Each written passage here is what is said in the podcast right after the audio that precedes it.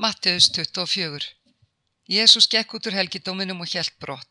Þá komu lærisvinnar hans og vildu sín honum byggingar helgidómsins. Hann sagði við þá, þér sjáuð allt þetta, sannlega segi ég yður, hér mun ekki eftirlátin stein yfir steini er eigi sér niður brotin. Þá er hann satt á olufjallinu gengur lærisvinnarnir til hans og spurðan einslega, segð þú oss, hvena verður þetta og hvert mun tákn komiðinnar og endalók veraldar? Jésús svaraði þeim, varist að láta nokkuð leið ykkur í villu. Margir munu koma í mínu nafni og segja, ég er Kristur og marga munu þið leiða í villu. Þér munu spyrja hernað og ófriðar tíðindi, gæti þess að skjelvast ekki. Þetta á að verða, en endurinn er ekki þar með komin. Þjóð mun rýsa gegn þjóð og ríki gegn ríki. Þá verður hungur og landskjáltar á ýmsum stöðum. Allt þetta er upphaf fæðingar hríðana. Þá munu menn framselja yður til pyntinga og taka af lífi og allar þjóðir munu hata yður vegna naps míns. Margir munu þá falla frá og framselja hver annan og hata. Fram munu koma margir falsbámen og leiða marga í villu og vegna þess að lögleysi magnast mun kellikur flestra kólna. En sá sem staðfastur er allt til enda mun hólpin verða. Og þetta fagnæðarindi um ríkið verður pretikað um alla heimsbyggðuna öllum þjóðum til vittnisspurðar og þá mun endirinn koma. Þegar þeir sjáu viðustig eðingarinnar sem Daniel Spámaður talar um standa á helgum stað, lesandin aðtugi það. Þá flýi þeir sem í jútiðu eru til fjalla. Sá sem er upp á þaki fari ekki ofan að sækja neitt í húsitt og sá sem er á akri skal ekki hverfa aftur að taka yfirhöpp sína. Veið þeim sem þungaðar eru eða börn hafa brjósti á þeim dögum. Byggið að flóttiðar verði ekki um vetur eða á kvildardegi. Þá verður svo mikla þrenging sem enginn hefur þvílík verið frá upphafi heims allt til þessa og mun aldrei verða. Ef dagar þessir hefði ekki verið stittir, kæmist engin maður af, en vegna hérna útvöldu munu þeir dagar stittir verða. Ef einhver segir þá við yður, hér er Kristur, eða þar, þá trúið ég ekki, því að frammun koma falskristar og falsbámen og þeir munu gera stór tákn og undur til að leiða afvega jafnvel hérna útvöldu ef orðið gæti. Sjá, ég hef sagt yfir það fyrir. Ef þeir segja við yfir, sjá, hann er í óbyggðum, þá farið ekki þangað. Ef þeir segja, sjá, hann er í leinum, þá trúið ég ekki. Eins og elding sem leiftrar frá austri til vestus, svo mun verða koma mannsónarins. Þar munu erðnitni sapnast sem hræið er. En þegar eftir þrenging þessara daga mun sólinn sortna og tunglið hætta að skína, Stjörnunda munur hrapa af himni og kraftar himnana bifast. Þá mun tákn mannsonarins byrtast af himni og allar kynkvísli jarðarinnar hefja kveinstafi. Og menn munu sjá mannsoninn koma á skýjum heimins með mætti og mikilli dýrð. Hann mun senda át engla sína með kvellum lúðri og þeir munu sapna hans útvöldur áttunum fjórum heiminskauta milli. Nemi líkingu af fíkjutrénu þegar greina þess farað mýkjast og laufið að springa út þá vitið þér að sömar er í nánd. Einskulir vita þegar þér sjáuð allt þetta að hann er í nánd fyrir dyrum. Sannlega segi ég yður, þessi kynsluð mun ekki líða undir lok uns allt þetta er komið fram. Heimin og jörð munu líða undir lok, en orð mín munu aldrei undir lok líða. En þann dag og stund veit engin, hvorki englar á himnum nýja sonurinn, engin nema fadir neitt. Eins og var á dögum nóa, svo mun verða við komið mannsonarins, Dagana fyrir flóðið átumenn og drukku, kvæntust og giftust, allt í þessa dags er nógu gekk í örkina. Og þeir vissu ekki fyrir en flóðið kom og hreyfða á alla burt. Eins verðu við komið mannsonarins, þá verða tveir á agri, annar mun tekin, hinn eftir skilin. Tvær munum ala á kvörn, annur verður tekin, hinn eftir skilin. Vaki því þér vitið eigi hvaða dagdrottni niðar kemur. Það skiljið þér að húsræðandin vekti og leti ekki brjótast inn í húsitt ef hann vissi á hvaða stundu nætur þjófurinn kæmi. Verið þér og viðbúnir því að mannsonurinn kemur á þeirri stundu sem þér ætlið eigi. Hver er sá trú á hyggni þjótt sem húsbóndin hefur settið við hjúsina að gefa þeim mat á réttum tíma? Sætlir sá þjótt er húsbóndin finnur breyta svo er hann kemur. Sannlega segja yður, hann mun setja hann yfir allar eigur sínar en ef yllur þjótt segir í hjarta sínu, húsbónda mínum dvelst og hann tekur að berja samþjóna sína og eta og drekka með svöllurum, Þá mun húsbóndi þess þjóns koma á þeim degi sem hann væntir ekki, á þeirri stundu sem hann veit ekki. Höggvan og láta hann fá hlut með hræsnurum, þar veru grátur og gnýstran tanna. Mattiðus 25 Þá er líkt um himnaríki og tíu megar sem fóru til móts við brúkumann með lampa sína. Fimm þeirra voru fávísar en fimm hygnar. Þær fávísu tóku lampa sína en höfðu ekki ólíu með sér, en hinnar hygnu tóku ólíu með á könnum ásamt lömpum sínum. Nú dvaldis brúkumannum og urðu þær allar sifjaðar og sopnuðu. Um miðnætti hvað við hróp, sjá, brúkuminn kemur, farið til mótsviðan. Þá vöknuðu megarnar allar og tóku til lampa sína, en þær fávísu sögðu við þær hygnu. Gefið á sá ólíu yðar, það er að slokna á lömpum vorum. En þær hygnu svöruðu, nei, hún nægir aldrei handa öllum, farið heldur til kaupmanna og kaupið handa yður. Meðan þær voru að kaupa kom brúkuminn og þær sem viðbúnar voru gengum með honum inn til brúköpsins og dyrum var lokað. Setna komu hinar megarnar og sögðu, herra, herra, ljúk upp fyrir oss. En hann svaraði, sannlega segi ég yður, ég þekki yður ekki. Vaki því, þér vitið ekki daginn nýg stundina. Svo er um himnaríki sem mann er ætlaður landi. Hann kallaði þjóna sína og fól þeim eigur sínar. Einum fekk hann fimm talentur, öðrum tvær og þeim þriðja eina, hverjum eftir hæfni. Síðan fór hann úr landi. Sá sem fekk fimm talentur fór þegar, ávægstaði þær og grætti aðrar fimm. Einskjörði sáur tvær fekk, hann grætti aðrar tvær. En sá sem fekk eina fór og gróf fjö húsbónda síns í jörð og faldi það. Laungu síðar kom húsbóndi þessar að þjóna og let þá gjöra skil. Sá með fimm talenturnar gekk þá fram, færði honum aðrar fimm og sagði, Herra, fimm talentur seldu þú mér í hendur, hér hef ég grætt aðrar fimm. Húsbóndi hann sagði við hann, Gott þú góði og trúi þjótt, yfir litlu vastu trúr, yfir miklu munni setja þig. Gakk inn í fögnuð herra þíns. Þá gekk fram sá með tvær talenturnar og mælti, Herra, tvær talentur seldu þú mér í hendur, hér hef ég grætt aðrar tvær og húsbóndina sagði við hann, gott þú góði og trúi þjótt, yfir litli vastu trúr, yfir mikið mun ég setja þig, gakk inn í fögnuð herra þíns. Loks kom sáur fekk eina talentu og sagði, herra, ég vissi að þú ert maður harður sem uppsker þar sem þú sáðir ekki og sapnar þar sem þú stráðir ekki. Ég var hrættur og fól talentu þínar í jörð, hér hefur þú þitt. Og húsbóndi hann sagði við hann, Ítli og lati þjótt, Þú vissir að ég uppsker þar sem ég sáði ekki og sapna þar sem ég stráði ekki. Þú áttir því að leggja fjemitt í banka. Þá hefði ég fengið það með vöxtum þegar ég kom heim. Takið af honum talentuna og fáið þeim sem hefur tíu talentunar. Því að hverjum sem hefur mun gefið verða og hann mun hafa gnægð, en frá þeir sem eigi hefur mun tekið verða jafnvel það sem hann hefur. Rekið þennan ónýta þjón út í ystu myrkur. Þar veru grátur og gnýstran tanna.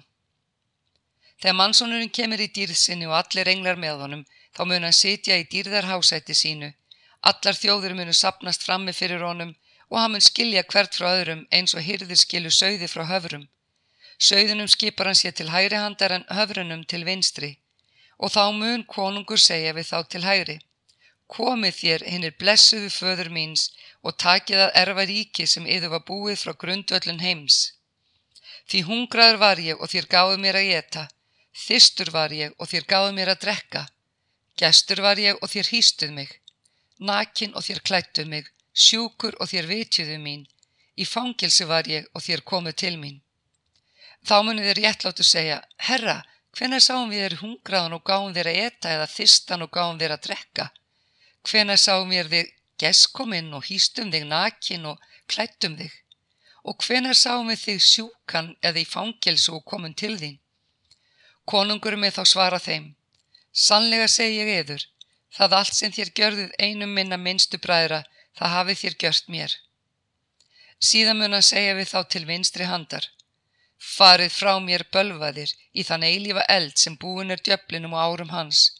Því hungraður var ég en þér gáðu mér ekki að eta, þistur var ég en þér gáðu mér ekki að drekka. Gestur var ég en þér hýstuð mig ekki, nakin en þér klættuð mig ekki Ég var sjúkur og í fangelsi en ekki vitiðu þér mín. Þá munið þér svara, Herra, Hvenar sáum við þig hungraðan eða þistan, geskomin eða nakin, sjúkan eða í fangilsi og hjálpuðum þér ekki? Hann mun þá svara þeim. Sannlega segi ég yður, það allt sem þér gjörið ekki einum hinn að minnstu bræðra minna, það hafi þér heldur ekki gjört mér og þeir munu fara til eilífra refsingar en hinn er réttlátu til eilífs lífs. Mattiðus 26 Þegar Jésús hafi lokið öllum þessum orðum sagði hann við lærisveina sína. Þér vitið að eftir tvo daga eru páskar. Þá verður mannsónurinn framseldur til krossfestingar. Æðstu prestarnir og öldungalýðsins söpnust nú saman í höll æðstapressins er Kaifas hétt og réðu með sér að handsama Jésús með svikum og takan af lífi. En þeir sögðu, ekki á háttíðinni, annars verður uppþótt með líðnum. En þegar Jésús var í Betaníu í húsi Símona líkþráa, kom þá til hans kona hafiði alabakstu spuðk með dýrum, smislum og heldu yfir höfuðónum þar sem hann satað borði. Við þessa sjón urðu lærisveinarni gramir og sögðu Til hvers er þessi sóun? Þetta hefði mátt selja dýru verði og gefa fátækum. Jésús varði svís og sagði við þá Hvað eru þér að ángra konuna? Gott verk gjörðu hún mér. Fátæka hafið þér jafnan með yfir, en mig hafið þér ekki ávalt. Þegar hún heldi þessum smislum yfir líkama minn var hún að búa mig til greftrunar. Sannlega segi ég yfir, hvar sem fagnaður erindi þetta verður flutt um heim allan mun þess og geti verða sem hún gjörði til minningar um hana. Þá fór eitt þeirra tólf Jútas Ískariota nafni til aðstu prestana og sagði Hvað viljið er gefa mér fyrir að framselja yður Jésu? En þeir greitt honu þrjátju silfupenninga. Upp frá þessu leitaðan færis að framselja hann. Á fyrsta degi ósýrðu brauðana komu lærisverðandi til Jésu og sögðu Hvar viltu að við búum þér páskamáltíðina? Hann mælti farið til ákveðins manns í borginni og segið við hann. Meistarinn segir, minn tím er í nánd, hjá þér vil ég halda páska með lærisvinnum mínum. Lærisvinnarnir gjörði sem Jésu bauðum og bygguti páskamáltíðar. Um kvöldi satt hann til borðs með þeim tólf og er þeir mötuðust, sagði hann. Sannlega segi ég yður, einna viður, mun, svíkja mig. Þeir urðu mjög hryggir og sögðu við hann einna vöðrum. Ekki er það ég, herra. Hann svaraði þeim, Sá sem dýfði hendi í fatið með mér mun svíkja mig. Mannsónurinn fer að sönnu hérðan svo sem um hann er ritað en veið þeim manni sem því veldur að mannsónurinn verður framseldur. Betra væri þeim manni hafa aldrei fæðist. En Júdasinn sveikan sagði, Rabbi, ekki er það ég? Jésu svaraði, þú sagðir það. Þá er þeir mötuðust tók Jésús brauð, þakkaði Guði brauð það og gaf læri sveinum og sagði, takið og etið, þetta er líka með minn. Og hann tók kalik og gerði þakkir, gaf þeim og sagði, drekkið allir hér af, þetta er blóðum mitt, blóð sáttmálans, útelt fyrir marga til fyrirgefningar synda. Ég segi yður, hérðan í frámun ég eigi drekka þessum vínveðar ávexti, til þess dags er ég drekka nýjan með yður í ríki föðum minns. Þegar þeir höfðu sungið lofsöngin fóru þeir til ólíufjálsins. Þá segir Jésús við þá, Á þessari nóttu munið þér allir neykslast á mér því að ritað er Ég mun slá hyrðin og sögður hjarðarinnar muni tvístrast. En eftir að ég er upprisin mun ég fara á undan yfir til Galíliðu. Þá segi Pétur, þótt allir neykslist á þér skal ég aldrei neykslast.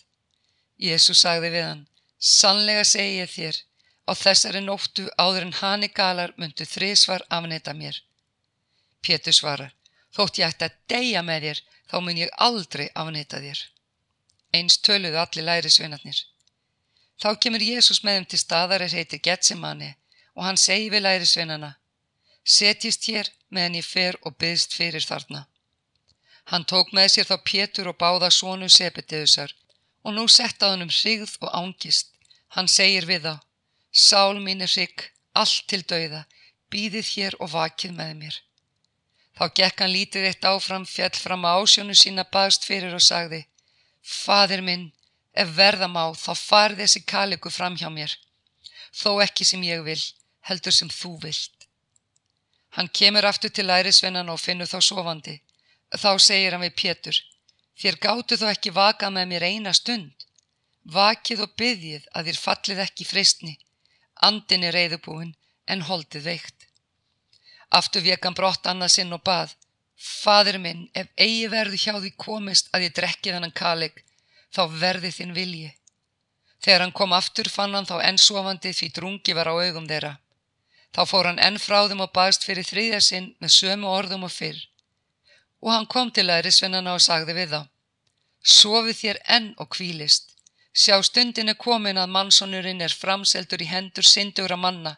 Standið upp, förum, í nándir sá er mig svíkur. Meðan hann var enn að tala kom Jútas eitt þeirra tólf og með honum mikill flokkur frá æðstu prestunum og öldungum líðsis og hafði þeir sverð og barefli. Svikarinn hafði sagt um þetta til Marks. Sá sem ég kissi, hann er það, takið hann höndum. Hann gekk beint að Jésús og sagði, heil rabbi, og kist hann. Jésús sagði við hann, vinur, hví ertu hér? Þá komu hinnir, lögðu hendur á Jésús og tók hann. Eitt er að sem með Jésu voru greip til svers og bráð því, hjó til þjóns aðstapressins og sneið af honum eirað. Jésu sagði við hann, slíðra sverðitt, allir sem sverði bregða muni fyrir sverði falla. Hyggur þú að ég get ekki beði föðu minn að senda mér nú meir en tólf sveitir engla? Hvernig ættu þá rittningarnar að ræta sem segja þetta eigi svo að verða? Á þeirri stundu sagði Jésús við flokkin, eru þér að fara að mér með sverðum og bariplum eins og gegn ræningja til að handtaka mig. Daglega satt ég helgidóminum og kendi og þér tóku mig ekki höndum. En allt verður þetta til þess að rytningar spámanana rætist. Þá yfirgáðu hann lærisvinnarnir allir og flýðu. Þeir sem tóku Jésús höndum færðu hann til kæfasar, aðsta press, en þar voru samankomni fræðimennir og öldungarnir. Pjörtur fylgdónum álengdar alltaf gardi aðsta pressins. Þar gekk hann inn og settist hjá þjónunum til að sjá hver yrði endir á. Æðstu prestarnir og allt ráðið leituðu ljúveitnis gegn Jésús til að geta líflátið hann en fundu ekkert þórt margir ljúvottar kæmu. Lóks komu tveir og sögðu Þessi maður sagði ég get broti niður mustir Guðs og reista aftur á þremu dögum. Þá stóð æðsti presturinn upp og sagði Svara þú því engu sem þessir vittna gegn þér. En Jésús þagði. Þá sagði æðsti presturinn við hann Ég særiði við lifandi Guð, segðu okkur, ertu Kristur, svonur Guðs? Jésús svarar honum, þú sagðir það. En ég segi þur, upp frá þessu munið þér sjá mannsónin sitja til hægri andar máttarins og koma á skýjum heimins. Þá reif aðsti presturinn klæði sín og sagði, hann Guðlastar, hvað þurfum við nú framar votta við? Þér heyrðu Guðlastið, hvað lístiður? Þeir svöruðu, hann er dauðasegur og þeir hræktu í andlitunum og slóan með nefunum en aðrir börðan með stöfum og sögðu Spáðu nú, Kristur, hver var að slá þig? En Pétur satt út í gardinum. Þar kom að hann þerna inn og sagði Þú varst líka með Jésús frá Galilegu. Því neytað hann svo allir heyrðu og sagði Ekki veit ég hvað þú ert að fara. Hann gekk út í fordirið. Þar sá hann önnur þerna og sagði við þá sem þar voru Þessi var með Jésús frá Nazaret en hann neytaði sem áður og sorðis eið að hann þekkti ekki þann mann. Littlu síðar komu þeir er þar stóðu og sögðu við Pétur, víst ertu líka einn af þeim, en það segir málfæriðið til þín. En hann sór og sárt við lagði að hann þekkti ekki mannin, um leið gól hani, og Pétur myndist þess er Jésu hafði mælt. Áður en hani galar myndu þrísvar amneita mér, og hann gekk út og grét besklega.